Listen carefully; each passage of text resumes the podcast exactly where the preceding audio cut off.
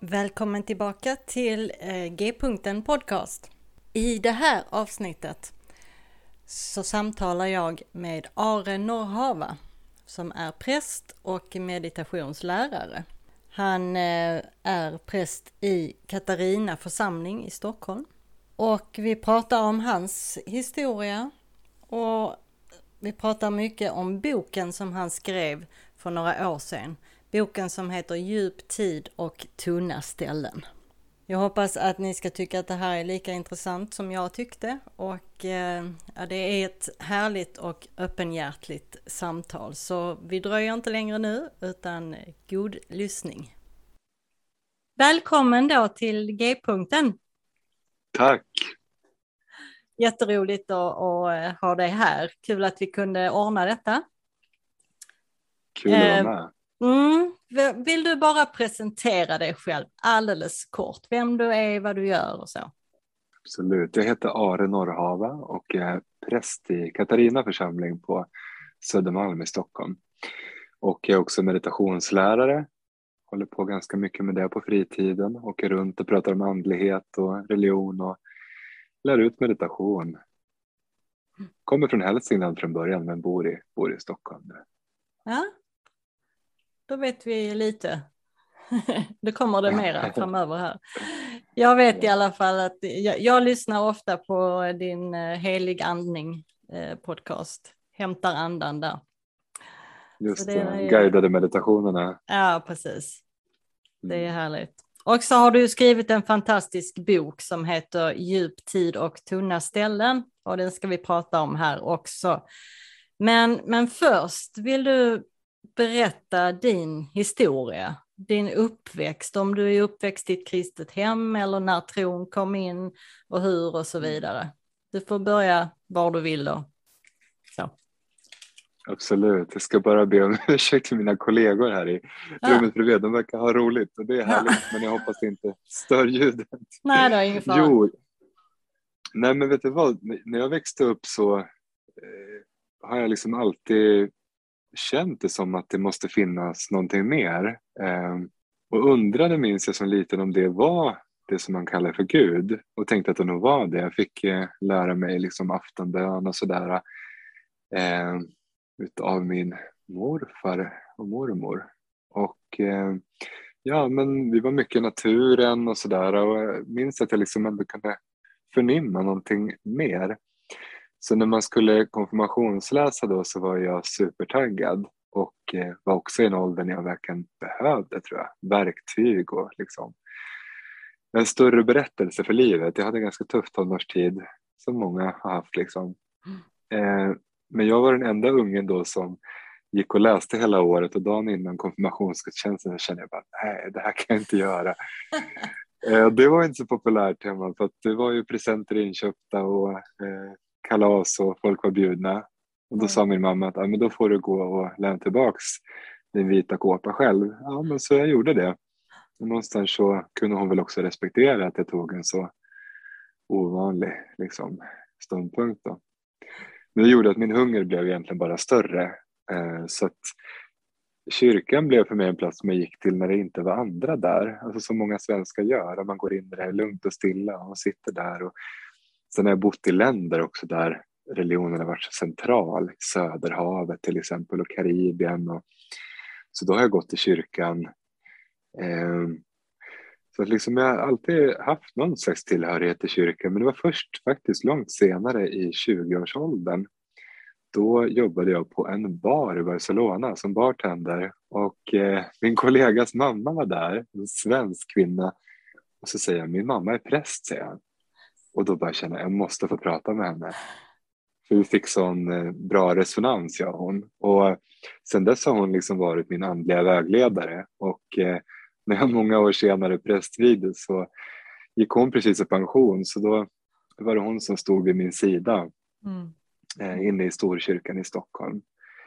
Så att liksom eh, det är de här människorna, tycker jag hör det i många berättelser. Alltså personer som på något sätt har tagit mig vidare. Och ibland har jag tänkt så här att jag minns att jag liksom inte hade ord för det här när jag var liten men jag kunde uppfatta en värme hos en del människor.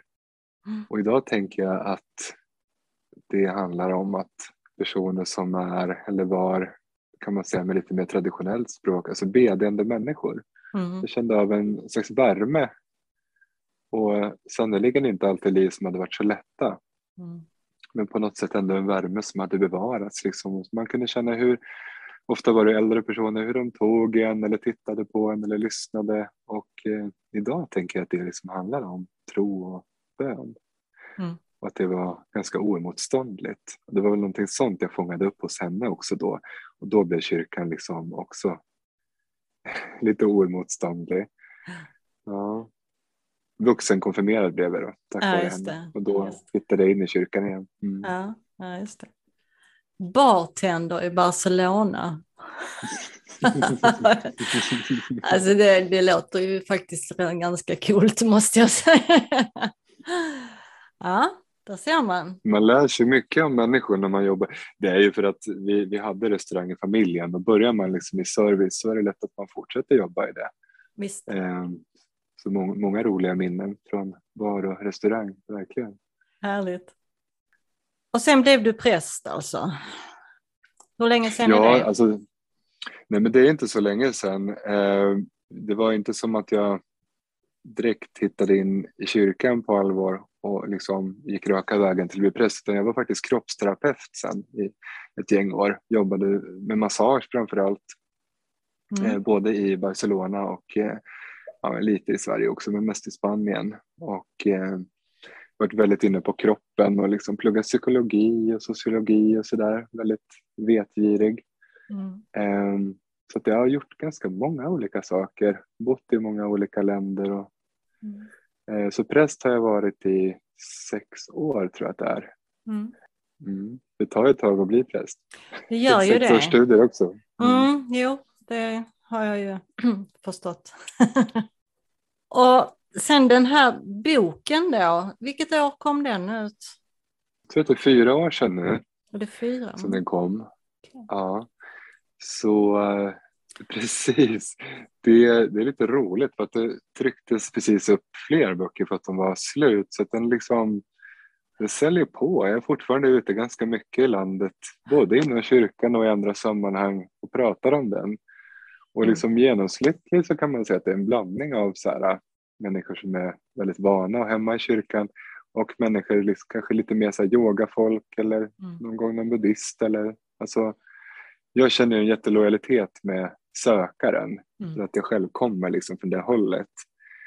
Eh, Att, att det inte har varit så självklart att förstå kyrkans språk och traditioner och sådär.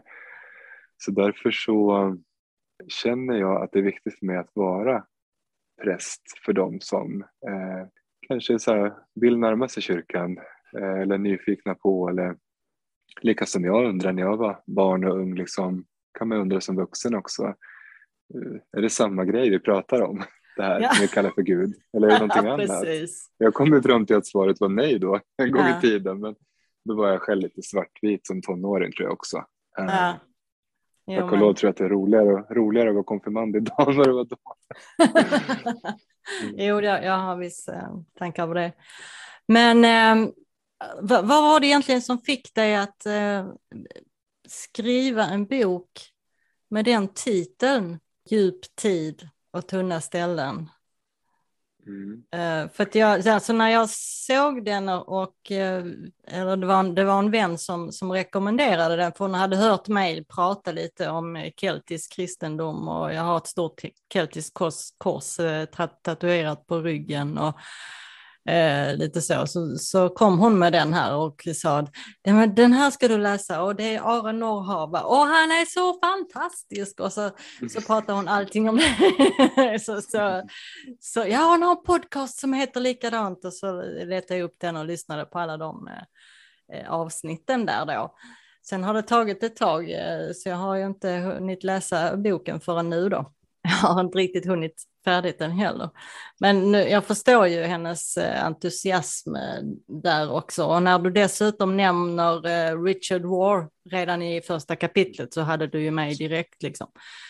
Det är ju en, stor förebild och eh, han ligger mig varmt om hjärtat om man säger så.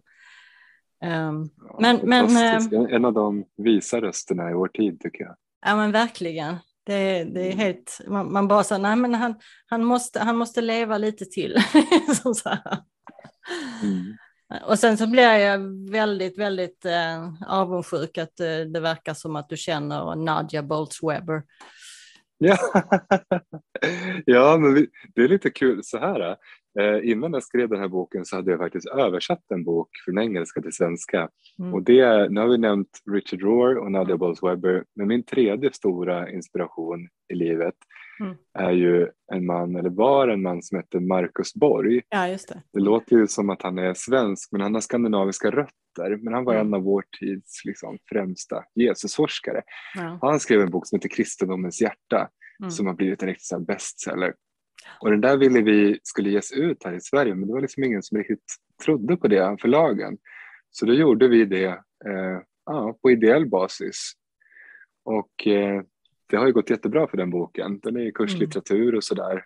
Eh, så det var inte så långt steg att själv skriva en bok. Jag hade ändå suttit ganska mycket med text och teologi sådär innan. Ja. Och så fick jag frågan för att det var en artikel i i Svenska Dagbladet när vi pratade om meditation i kyrkan. Mm. Det är många som inte vet att det finns en sån tradition. Eh, och eh, då pratade jag med en förläggare, lite så här, ett öppet möte och då kände jag just, apropå din fråga Monica, att djupt i det tunnaste, ja men jag skrev om tiden och om mm. rummet liksom och om andlighet och kyrkan. Ja. Så det är en bok som på många sätt riktar sig till alltså, till sökaren lika mycket som den som är van vid kyrkan. Liksom. Mm. Ja, precis. Den är ju, den är bra eh, uppdelad, den är uppdelad i tre större delar. Rötterna, stammen och grenarna. Och så går du igenom olika, eh, bland annat då vad det gäller tiden, den djupa tiden och liksom den kronologiska tiden och så vidare. Men du kan, kan du ber bara berätta lite själv om eh, det du skriver i bokens eh, olika delar och det du själv liksom vill ta, ta upp? För att det, det är så mycket mm. där som jag, jag liksom har, har satt hundöron på nästan alla sidorna så det är bättre om du berättar.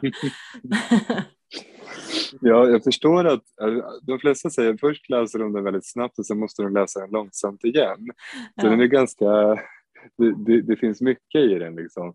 Men låt oss säga så här, alltså, mycket bygger den på, frågar man människor i Sverige om de tror på Gud, då är, tror jag att det bara är Tjeckien där fler människor säger att de inte tror på Gud. Mm. Vi ligger väldigt lågt i världen. Då. Men frågar man människor om de tror på en livskraft eller en ande, mm. då svarar liksom för 56 procent. Alltså vi ligger högst i Europa, näst högst i världen. Ja. Jag tror att många människor liksom har en andlighet och att jag tycker att den, den ryms i kyrkan. Liksom. Och det vill jag liksom visa med den här boken, att så här, det här finns och har funnits. Liksom. Och sen tar jag ganska ovanliga exempel, alltså jag berättar om ganska uråldriga koncept mm. och tankar, alltså visdomar som är jätte, jättegamla. Men jag tar hjälp av liksom drag queens och eh, eh, hiphopartister och liksom, alltså erfarenheter från mitt liv. Eh, så det är mycket, egentligen ingen så faktabok på det sättet utan jag berättar fram eh, väldigt liksom gamla visdomar med hjälp av väldigt nutida exempel. Mm. Om man går tillbaka lite till titeln där, där vi tänker tunna ställen. Mm. Du nämnde ju kelterna. Ja. Eh, tunna ställen det är en sån metafor för någonting, en erfarenhet mm. som eh, väldigt många människor har. Man kan säga att det kändes andligt, eller det kändes heligt. Det kanske är upplevelser som man knappt hittar ord för i naturen, i möten med människor, musiken. Jag tror att de här upplevelserna är väldigt viktiga eh, för att de gör någonting med oss. Och eh, redan då, här kommer en sån här båge bakåt i tiden, redan på 300-400-talet bland kelterna på brittiska öarna, då upplevde man att det fanns platser i naturen där hinnan mellan oss och Gud är särskilt tunn. Eh, man kunde uppfatta det som, skriver en av deras andliga lärare, som att evigheten liksom sipprar in i tiden. Du kunde vara inför ett öppet hav, vid källor, under väldigt höga gamla träd, berg, eh, kloster eh, där man liksom bara blev liksom eh, ja, du vet en sån erfarenhet när man inte riktigt har ord för vad det är men man blir väldigt tom eller uppfylld och eh, djupt berörd. Vad vi kallar för andliga erfarenheter. Mm. Och det här är ett nyckelkoncept i boken. Det är liksom lite svårt att ge en snabb crash course i det för att det är med flit som, som eh, förklarar det här ganska långsamt och med många exempel. Men det här är ett begrepp som har blivit viktigt för många människor i våran tid.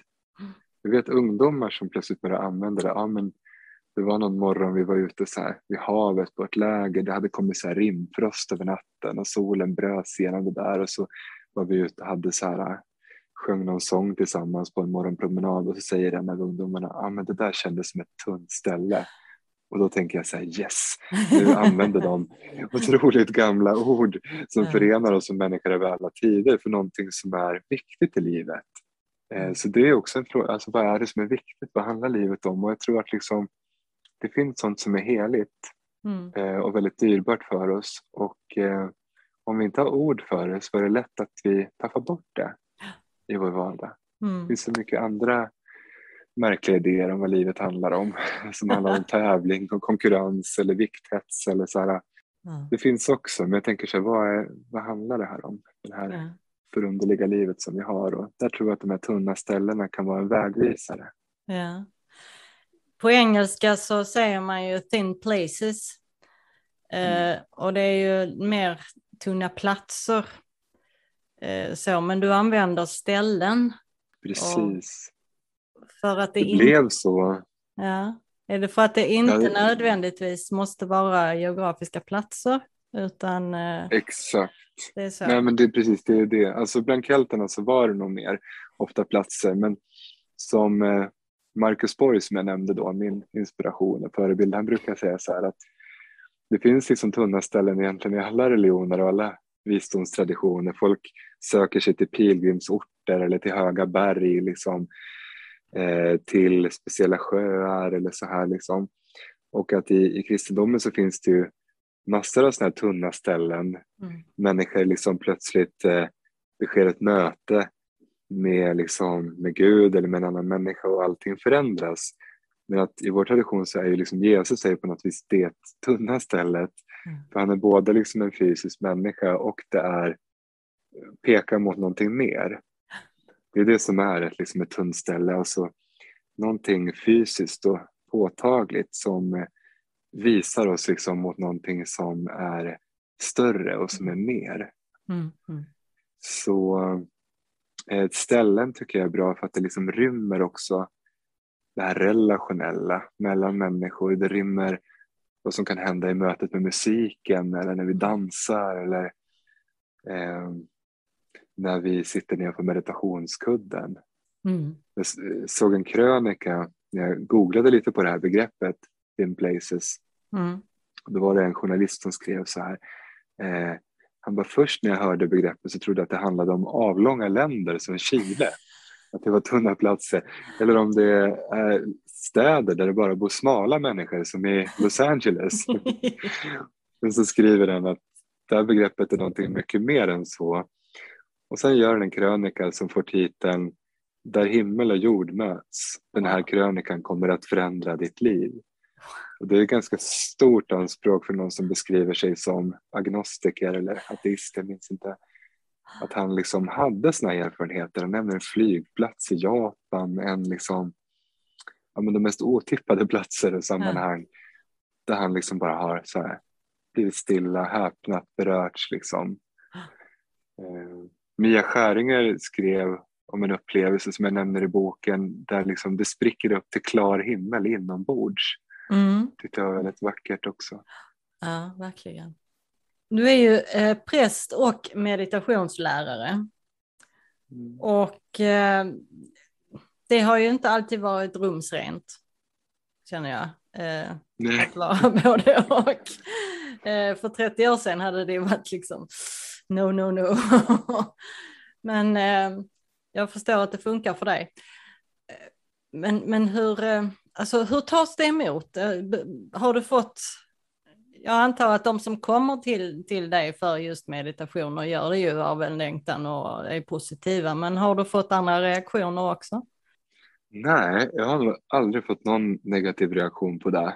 Eh, nu är jag i en församling som är, samlar jättemycket människor. Ja. Eh, vi är ju, det är liksom fulla kyrkor här men det är också väldigt progressivt och öppet liksom. Överlag, alltså det är alla sorts människor är välkomna och hänger här men att andan är väldigt fri, det är väldigt högt i tak. Mm. Så nej, och inte nu ute i landet heller. Jag träffar ofta människor då som är lite åt samma, dra, samma andliga dragning liksom. Mm. Jag kan nog komma på andra sätt på vilka jag inte är rumsren. Okay. Alltså jag tänker bara, jag är ju öppet homosexuell också. Ja. Det liksom, har inte alltid varit eh, okej okay heller och är fortfarande inte det. Så när jag får arga brev eller reaktioner så är det oftare kopplat till vem jag är liksom, än att jag håller på med meditation. Eller typ hur jag uttrycker mig eller mm. Någonting jag har sagt eller sådär. Det var någon som var så arg för att jag var så världslig tyckte han. Och då sa en kompis till mig, men det finns ju massor av världsfrånvända religiösa sammanhang så det, det, är nog inte så synd om man, man hittar så snabbt någonting annat. Ja. jag, jag, jag, kan känna, jag tror verkligen att Gud älskar den här världen. Liksom. Eh, det, det, står ju i Bibeln att, att Gud gör det. Liksom. Eh, att vi ska leva i världen, liksom, om man ja. inte har den. Så att, liksom, ja, det finns ju mycket, en del söker religion för att tänker att det kan ge en känsla av så ordning och reda och då kan det vara lite svårt med de här liberala sätten att vara religiös på när mycket är tillåtet som inte skadar vare sig själv eller någon annan. Alltså att när jag säger att jag är liberal så är det inte så här anything goes. Jag har ganska, mm. skulle nog säga att jag är ganska konservativ på sätt och vis men inte på det sätt som man vanligtvis tänker att man är konservativ. Mm. att man skulle vara emot kvinnliga präster eller här, samkönade äktenskap, du, du vet det här ja. liksom. Men jag skulle säga att jag är konservativ kring Jesus och evangeliet. Eh, ja. Det är liksom där jag har min kärna. Mm. Jag bara tolkar på ett annat sätt än de som liksom går mer åt det reaktionära hållet. Då. Ja, precis. Jag har en, eh, den här t-shirten med Stanley Howers uttryck att Jesus is Lord, everything else is bullshit. Mm. Så eh, det, det, kan väl vara lite... Vad man har liksom Jesus i centrum. Så. Ja, och det kan jag också känna, så det finns ju ändå gemensamma nämnare. Det är så mm. svårt med de här etiketterna, konservativ och liberal, för jag kan känna mig hemma med väldigt många olika sorters andliga och religiösa, eller både och människor. Liksom. Ja, eh, men liksom jag, för mig är ju så här, Alltså jag tänker, det finns ju en gud liksom. Ja, precis. Som tar sig olika uttryck i världen. Och eh, för mig så liksom, jag har liksom valt en karta. Och, och det är evangelierna. Sen har jag mm. liksom utforskat många vägar och har vänner som går olika vägar liksom. Mm. Det tycker inte jag på något sätt förminskar utan snarare förstärker. Mm. Mm. Jo men jag, jag håller med dig helt. Berätta lite om tiden i klostret i Burma. Mm. Mm. Ja, precis. Jag var i Burma eller Myanmar då eh, under min studietid för att eh, jag ville studera eh, unga ledare mm. i, i Burma. Och eh, i Burma är de flesta buddister. Där finns dels en här nationalistisk buddhism som är väldigt eh, våldsam eh, och eh, totalitär. Så finns det också väldigt öppensinnad och varm buddhism så finns det en kristen minoritet och där hade jag vänner sedan tidigare. Och eh, det var jättegivande att få vara där två långa perioder faktiskt.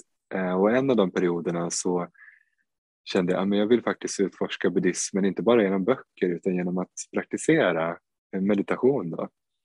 Så då tog jag in på ett sånt här skogskloster. Eh, det var ju strikt kan man säga jättegivande och eh, aldrig haft så ont i kroppen. Gick upp halv fem på morgonen och så sitta en timme, gå en timme, sitta en timme, gå en timme. Inte prata, ingen ögonkontakt. Eh, och ett väldigt långsamt liv. Nu är det liksom en mycket mjukare väg som jag lär ut och praktiserar. Men eh, det var väldigt rikt och jag kunde liksom känna att det här fördjupade mig liksom också i, i min väg liksom, som inte är buddhismen. Men jag tycker om mycket i den. Jag kan känna att jag är verkligen inte buddhist. Eh, det är inte det som liksom berör mig eller drar igång mig som jag ändå kan känna att liksom kyrkan och Jesus gör. Då. Men eh, jag kan tycka att vi har ju tappat det här i kyrkan. Mm. Jag, jag, tänker att det ens finns någonting som heter så här, nyandlighet tror jag också beror på att kyrkan har tappat mycket av sina andliga resurser. Skriver mycket om det här i boken, hur de faktiskt fanns tidigt. Mm. Eh, och till viss del så har en del bevarats i klostren, mm. men också en del då fanns ju på de brittiska öarna. Eh, det har funnits mycket i den här vardagstron, liksom den här enkla, alltså ja, men den här, återigen den här varma tron. Liksom. Mm. Bedjande människor som har fullt upp med att liksom, ha mat på bordet och ta hand om familjen men har närts av en gudsrelation. Liksom. Mm. Där mm. finns det ju otroligt djup andlighet men det är lätt att tappa bort sig i den här liksom, jag kan tycka att kyrkan har tappat bort sig lite och blivit väldigt intellektualiserande. Ja. Det blir väldigt mycket för huvudet mm. och mindre för hjärtat och kroppen. Mm. Att liksom, vet du, barn i viss ålder brukar rita sådana här huvudfotingar. Ja, just det. det liksom, jättestort huvud och så en liten arm och en liten arm och två små fötter. Mm. Det tror jag är en fara i vår samtid för vi är väldigt mycket uppe i huvudet. Jag har själv brottats, brottats med det ibland att jag blir väldigt liksom, kan man säga, vi är liksom vi är väldigt visuella idag med alla skärmar och liksom mm, mm ett flöde av information, vi pratar mm. mycket. Och för mig så handlar det här om att liksom gå en andlig väg väldigt mycket om att involvera min kropp. Mm. Alltså att jag liksom ber, känner, sjunger, eh, andas luften. Eh, ja, jag, jag, tror tyvärr har kyrkan tappat det där mycket och då tror jag att det har plockats upp och blivit andra andliga strömningar utanför kyrkan. Och det, det är väl bra, men jag skulle önska att vi förvaltade det bättre. Så, ja, så det är väl det jag försöker göra eh, tillsammans med andra. Att ja. Eh, återta liksom, den andlighet som egentligen finns i kyrkan. Ja. ja, det är bra. Du har ju bott på många olika platser i världen, vad jag förstår. Och eh, du pratar om eh, Indien, tror jag. Är det det att i Indien finns något som de kallar för det tredje könet? Ja, ja det gör det ju. Alltså, det finns ju nästan i hela världen innan folk blev kolonialiserade. Ja, just det. Ja. Ty, tyvärr så är det ju liksom vi kristendomen och abrahamitiska religionerna som har mm. den här mm. tvåkönsmodellen så starkt. Ja. Men att eh, skriver nog i boken om när jag bodde i Söderhavet, då var jag på en eh, skönhetstävling med eh, det tredje könet. Alltså, Otroligt. Och eh, till min häpnad så hölls den på katolsk skola. eh, och i juryn satt dels förra årets vinnare, alltså med våra ord får man säga kanske att det var en dragqueen-tävling. Men att personerna också var av det tredje könet då, och eh, nunnorna satt där då och liksom så kastade upp sina poängskyltar, nio poäng, tio poäng och skrattade så de grät. Och hela så här storfamiljer som samlades omkring sina tredjekönade personer kastade pengar och mat och liksom, det var så total folkfest i sex timmar. Mm. Jag som 20-åring liksom fick inte alls ihop det. Liksom. Men så här, så här rörigt är det ju ute i världen med, liksom, med religion och kultur och kön och mm. sådär. Det finns så många variationer. Det är inte alls så givet att man ska dela upp det som vi gör. Nej. Alltså, det låter som ett spännande liv alltså.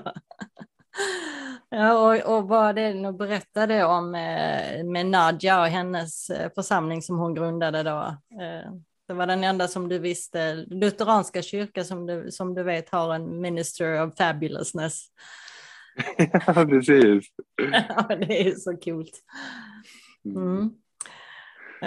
Ja. Det är ju, alltså det är någonting som jag också liksom är väldigt intresserad av. Alltså, det har ju varit så, det här tycker jag är väldigt fascinerande och lite så tvegat svärd att eh, med våra ord, hbtq-personer har ju alltid funnits. Mm. Och i många urfolk så har det varit personer som har haft väldigt ärofyllda uppdrag, ofta andliga uppdrag. Mm. I Nordamerika så har många eh, urfolks communities haft eh, two spirits kallar man det för. Okay. Alltså personer som, eh, som inte är, eh, bara har ett kön har man också tänkt sig har en förmåga liksom att eh, lättare få kontakt med båda världarna, så att säga, det andliga och det materiella. Alltså på tunna ställen. Liksom. Mm. Så det har varit väldigt centrala funktioner. Och jag tror att även här uppe i Norden att liksom de här ska man säga noider eller shamaner eller så har varit personer som ibland har varit lite så här crossdressers och både Oden och Loke tror jag väl liksom många av de här grekiska gudarna kunde ju dyka upp i kvinnohamn liksom. Eh, så det är ju det där det är någonting som har gått förlorat men ett program som RuPaul's Drag Race då som, jag är ett stort fan av det är ett program som vid första anblick kan verka så att det är mycket ryschbysch och liksom ytligt och bara handlar om skönhet. Men det är mycket, mycket djupare än så. Det finns väldigt mycket andlighet i det programmet. Jag vet mm. att Oprah Winfrey intervjuade då programledaren där som är världens mest kända dragqueen. Så frågade hon sig hur kommer det sig att så många människor tittar på det här som inte själva tillhör gruppen hbtq? Och så blev han tyst en stund och sa för att det handlar om död och uppståndelse. Ja, det är fantastiskt. Alltså får man gåshud. För det är människor som ofta har fått liksom kämpa för att liksom kunna stå stolta och skina precis som de är. Liksom. Alltså, mm. Så mycket evangelium i det. Alltså, mm. Just vad han menar är att död och uppståndelse är inte bara den fysiska Jesus uppståndelse. Men det handlar också om att i våra liv liksom, så, så är, är vi alla med om att vi faller och liksom, eh, blir uppresta igen och liksom får ta emot ta emot stöd, kraft.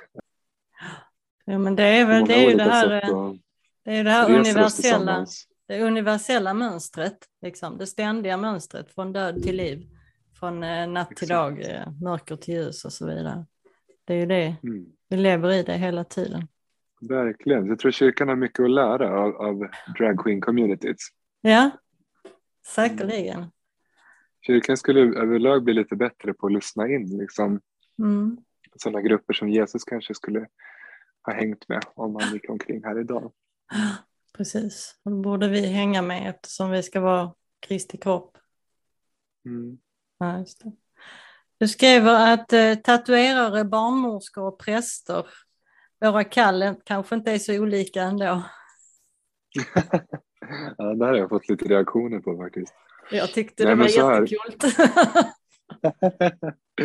Min mormor eh, var barnmorska och mm. eh, hon var en väldigt speciell person för mig och eh, kan känna liksom att det är en person som har präglat vår familj mycket även om det var länge sedan hon levde.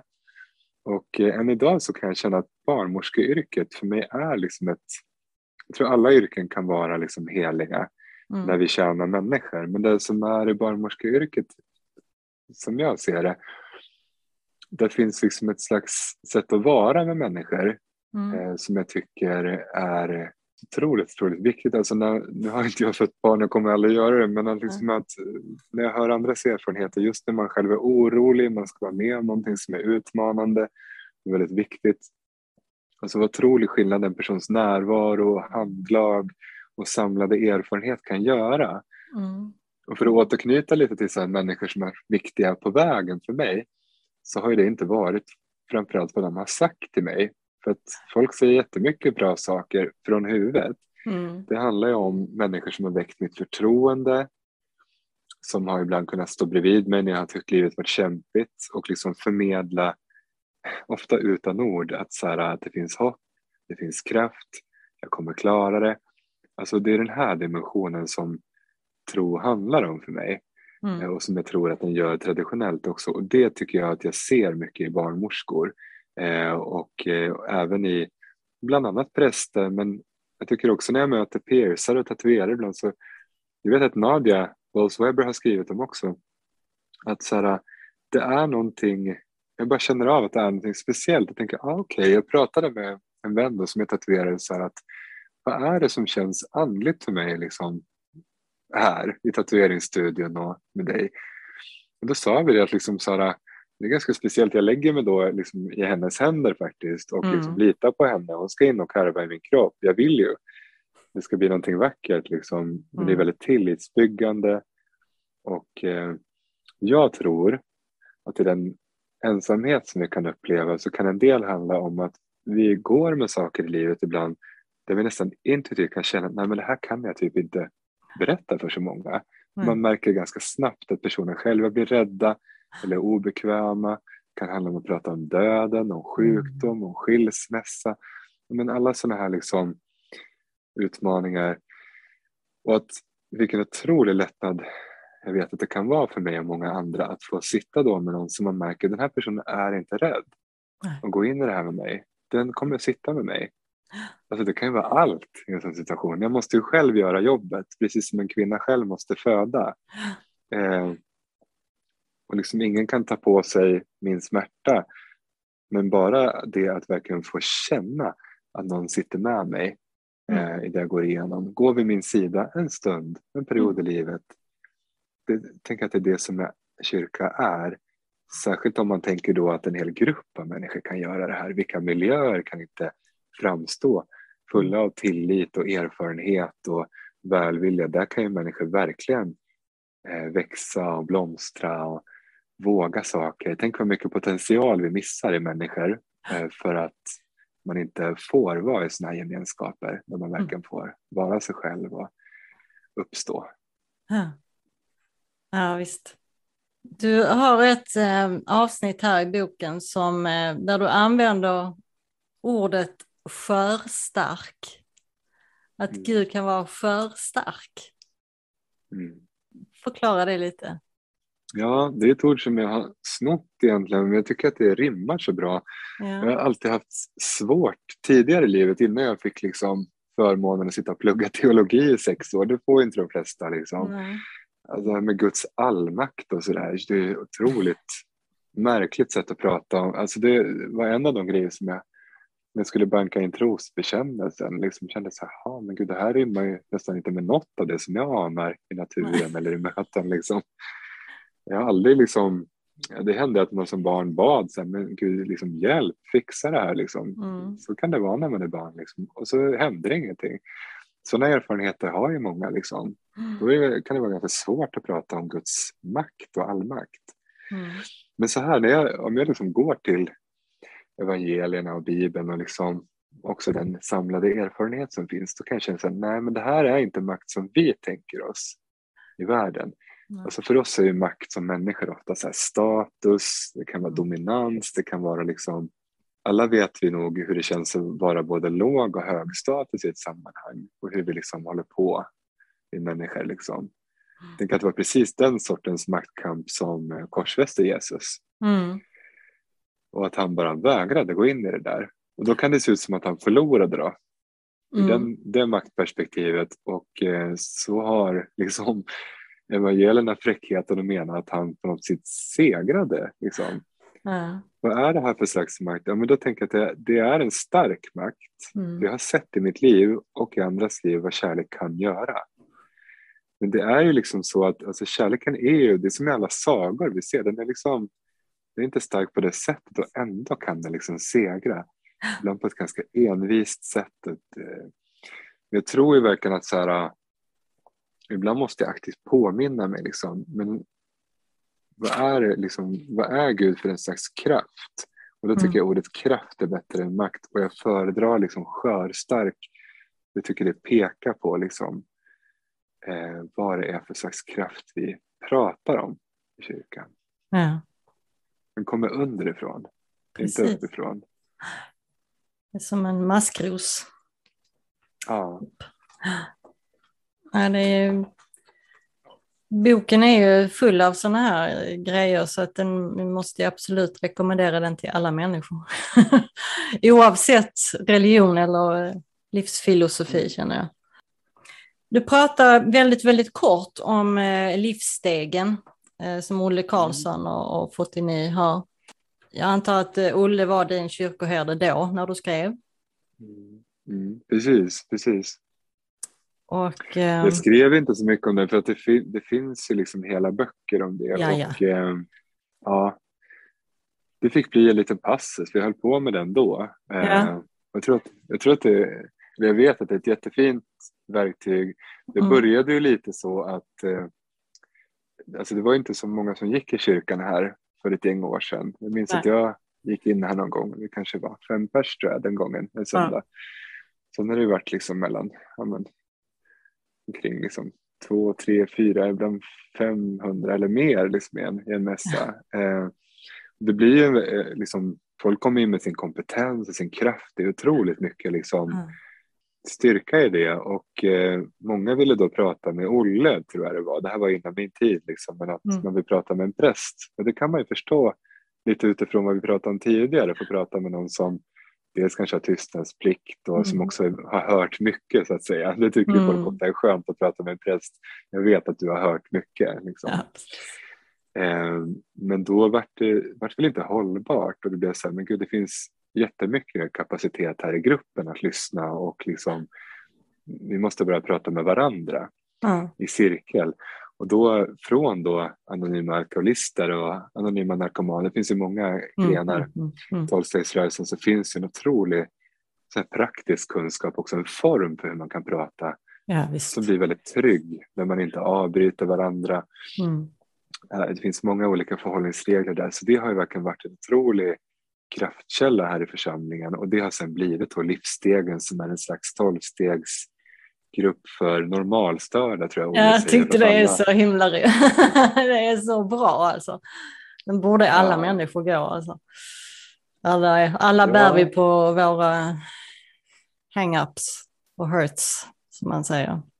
Jag tror att det är en väldigt bra ingång ju om man har lite svårt att komma in i så här, vad kyrkan och tro är. Så här, att, att man kan komma via stegen. Det är en Mm. utmärkt väg. Att också det inte bara blir en fråga för huvudet utan att det får greppa tag i hela ens liv. Precis. Du är inte inblandad någonting i Contempel då? Är du det? Nej, jag har Nej. nästan ingen inblick i det. Men Nej. det, jag tycker att det är kul med alla så bra initiativ som samlar människor. Ja, det är Eh, fantastiskt. men det är det att eh, helt krasst så är det så att det inte hinner med. Nej, jag jag är väldigt så här, äh, jag är väldigt så här lokal av mig. Jag gillar liksom, alltså jag ser mig mest omkring i communityt på något sätt. Och sen Mm. en del också när jag är ute och träffar människor i landet. Men Mm. mycket mer än så mäktar inte jag och eh, det är så viktigt med att få gå i kyrkan antingen här där jag jobbar eller i min lilla, ja men där jag är eller där jag bor eller sådär. Så att, eh, men jag, jag, li, li, lite info får jag, för många går ju både här och där. Ja, ja, precis. Ja, Jag ska, prata med, jag, ska prata med Olle här framöver, eh, lite senare i höst också. Så eh, då får vi höra mer om det, hoppas jag. Eh, vad, hur ser den närmaste framtiden ut för dig? Eller har du, några, har du planer på någon ny bok? Ja, precis. Alltså så här är det att jag är väldigt kunskapssökande människa och eh, jag har nu pluggat faktiskt på min fritid det här året. Tyckte det passade bra under pandemin. Så jag håller på att utbilda mig till sexolog. Wow! det- Vad var det du sa Monica, rumsrent eller vad var ordet? yes! Yeah. Ja, jag, jag känner liksom, herregud, det här är ju liksom elefanten i rummet av mycket det som jag tycker är problematiskt i religionen. Så att nu har jag fått umgås med barnmorskor ganska mycket, för vissa över Zoom då, för det är ju de och jag och lite psykologer och kuratorer och så. Så ja, det kommer jag fortsätta med och eh, jag känner liksom att det är hur väsentligt som helst när man, när man liksom är ja, i någon slags ledarfunktion ändå inom religion. Liksom. För att eh, det är så mycket som har med det att göra. Och när man pluggar sexologi pratar man jättemycket om religion kan jag säga. Ja, det kan jag tänka mig. Mm. Åh, vad roligt. Ja, det, det, Så det kanske kommer någonting på den fronten. ja, Mm. vad uppmuntrad jag jag blir. Vad kul att det blir det. Ja. Ja. Ja, jag, är är ändå, jag är en av dem som ofta hamnar i blåsväder själv av, av många olika anledningar. Så att jag, jag blir så glad när det är fler som är lite sådär framåt på olika håll. eller hur? Men man får använda det, liksom den plattform och förtroende man får. Men jag gör ju inte det här egentligen för att, alls för att retas utan det är liksom också så att jag har bott i, i olika länder som jag var inne på och eh, ser, ja, men faktiskt både här i Sverige men också möta med människor så här att liksom att religionen ofta har skadat människors sexualitet och relationsliv. Oh, Och det kommer siffror på det nu, eh, från USA bland annat, eh, Mm. vad det kan ställa till med. Saker som religiösa ledare säger och gör. kommer skandaler från kyrkorna, Mm. ofta de här liksom mest, eh, ja, de som är mest emot hbtq-personer och våra relationer. Ofta så visar de sig själva eh, liksom Mm. vara homosexuella och liksom det blir ju lika genant varje gång och man känner sig, men gud vad är det, vad är det här? Så jag har börjat reda lite i det här liksom. Eh, var kommer alla de här idéerna ifrån och är det så traditionellt egentligen? Ja, Eh, de här liksom eh, väldigt liksom ibland kvinnofientliga, ibland liksom eh, vad kommer det ifrån och hur befriade är vi från det i samhället? Så Mm. sekulariserade som vi kan tycka oss vara. Liksom. Det finns många viktiga frågor i det här och då kan jag känna så här att eh, det är absolut två av världens mest laddade ämnen, Mm. religion och sexualitet. Men också väldigt, väldigt viktiga ämnen i våra liv som människor. Mm. Jag tror att, eh, som vi har sett nu med metoo-upprop och så här också, att det, vi måste liksom våga prata om sånt här. Absolut. För religion är också relationer. Ja, visst. I största högsta grad alltså. Mm, spännande. Är det någonting som du tycker jag har glömt att fråga dig om? Det finns så mycket man kan prata om och eh, det finns saker som jag skulle kunna fråga dig också, men jag gissar att vi har en begränsad tid där. du får, du får eh, intervjua mig i någon podcast framöver. Precis, precis. Jag är glad att du gör det du gör Monica, spännande. Jag tror att det verkligen är jätteviktigt att det kommer ut poddar för att jag tror att vi allt mer lyssnar och kanske läser mindre och det kanske inte gör så mycket. Nej. På sätt och vis var det så vi var förr i tiden runt lägerelden. Vi lyssnade till varandra och pratade om livet och existensen. Att det, all- alla kommer inte bli stora bokslukare så att vad fint om de här samtalen också finns i poddvärlden. Ja, precis. Ja, på tal om att lyssna, du tänker inte att göra din bok till, eh, vad heter det, audio, vad heter det, lyssnarbok, ljudbok. Mm, Det heter fanns pratat lite om det där fram och tillbaka. Det blev inte så. Och nu då så har jag spelat in de här guidade meditationerna och känner så här Mm. ah, det är ändå fyra år sedan boken kom, även fast det fortfarande händer ganska mycket kring den. Mm. För att vara en religiös bok i ett sekulariserat land. Liksom. Ja.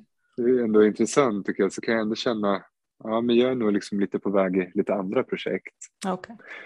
Och jag gör ju mycket radio och sådär också. Mm. Mm. Eh. Ja, just det. Mm. Så ja, allting handlar ju också om tid. Ja. ja, det gör ju det. Eh, Men jag har i alla fall en fråga som jag frågar alla mina intervjuobjekt.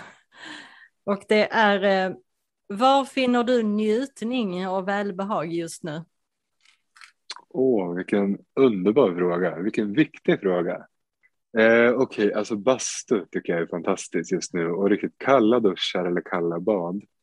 Eh, och eh, även kan jag känna, jag kanske inte njuter så mycket under tiden men jag, liksom, jag håller på att lära mig kampsporta och kan känna så att det är en god känsla efteråt eh, i kroppen. Ja, lyfta tunga saker tycker jag också. Det njuter jag också mycket av.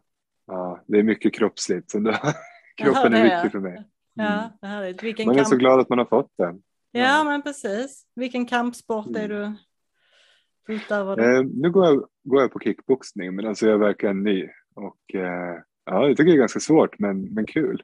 Ja, spännande. Man får det verkligen utforska alla muskler i kroppen. Mm, verkligen. Men du, stort tack för att du du. ville komma och förgylla den här stunden. Ja, det var en glädje. Du eh, kanske vill komma tillbaka någon gång framöver, när, när, när nästa bok kommer om inte annat. Precis. Ja, det gör jag gärna. Ja, och vi ser, kanske vi kan ses på riktigt någon gång. In real life. Precis. Det vore ju Ja, här. men det vore jättekul. Mm, Kom förbi om du är i Stockholm. absolut, ska jag göra. Men du tar hand om dig. Du med. Allt gott. Tack, hej. Ja, vad säger man? Vilken underbar människa, eller hur? Jag hoppas att ni eh, njöt lika mycket av det här samtalet som jag gjorde. Och att ni eh, tycker om att lyssna på den här podcasten. Tycker ni om den så dela det gärna med eh, vänner och på sociala medier. Och eh, jag kommer ju tillbaka med ett nytt avsnitt igen nästa vecka. Så till dess, grace and peace my friends.